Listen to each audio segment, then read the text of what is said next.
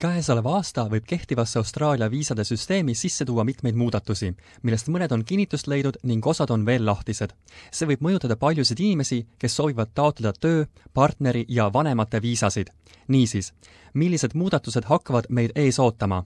üks peamisi muudatusi puudutab neli viis seitse viisa asendamine uue ajutise oskustöö viisaga ehk TSS viisaga, mis hakkab kehtima alates märtsist Michael Walker on Melbourne'is asuv migratsiooniagentuuri TSS viisataotluste ametnik.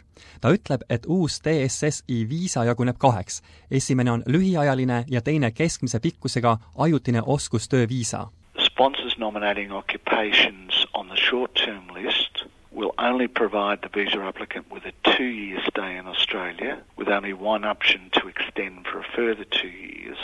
However, on the medium to long-term list, uh, their visa applicants will get a four-year visa and that visa holder will be able to transition into permanent residency under the nomination of the same sponsor after being on the TSS visa for a period of three years. lühiajalise viisa puhul puudub võimalus hilisemalt elamisloa taotlemiseks. tähtis on samuti märkida, et TSS-i ajutise oskustöö viisale hakkab kehtima rohkem nõudeid kui varasemal neli viis seitse viisal Nilesh Nandan on My Visa Austraalia erinõunik, mis tegeleb riikliku sisserände praktikaga. ta ütleb, et taotlejatel peab olema kõrgem inglise keele oskus ja enam töökogemust.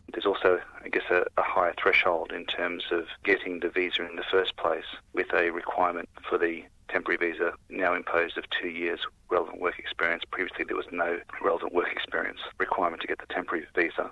And in terms of the permanent visa, there is now a, a three-year work experience requirement. ta hoiatab ka, et uus TSS viisa hakkab tööandjale rohkem maksma kui endine neli viis seitse viisa. I think it's a fee grab. I think fees will increase, and I think fees will increase initially on the visa application charge component of it, but also in relation to the investment that businesses and small businesses will need to make in terms of the training fund.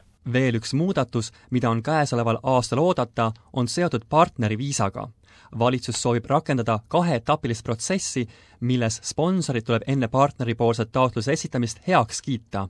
Niles Nandan on mures, et see võib põhjustada probleeme. It's going to delay the ability for somebody to lodge a valid application because it needs to overcome that first threshold of getting a sponsor approved to be able to sponsor. And of course, there's some other problems that sponsors will face, and that is to have obligations on those sponsors, positive obligations, and sanctions imposed on those sponsors in case those obligations are not met. kuid ta lisab, et sponsori hoolikam hindamine võib olla partnerile hoopis heaks uudiseks. And a really important, I think, change that's being mooted for this year in terms of that partner visa program is the ability for the incoming spouse from overseas to be made fully aware of the criminal conduct past uh, in Australia and offshore of the sponsor because previously we've had spouses come in and not really know and not had been aware of the past criminal conduct on the part of. Aastal kaks tuhat seitseteist teatas valitsus ka uue ajutise sponsoreeritud vanemaviisa loomisest.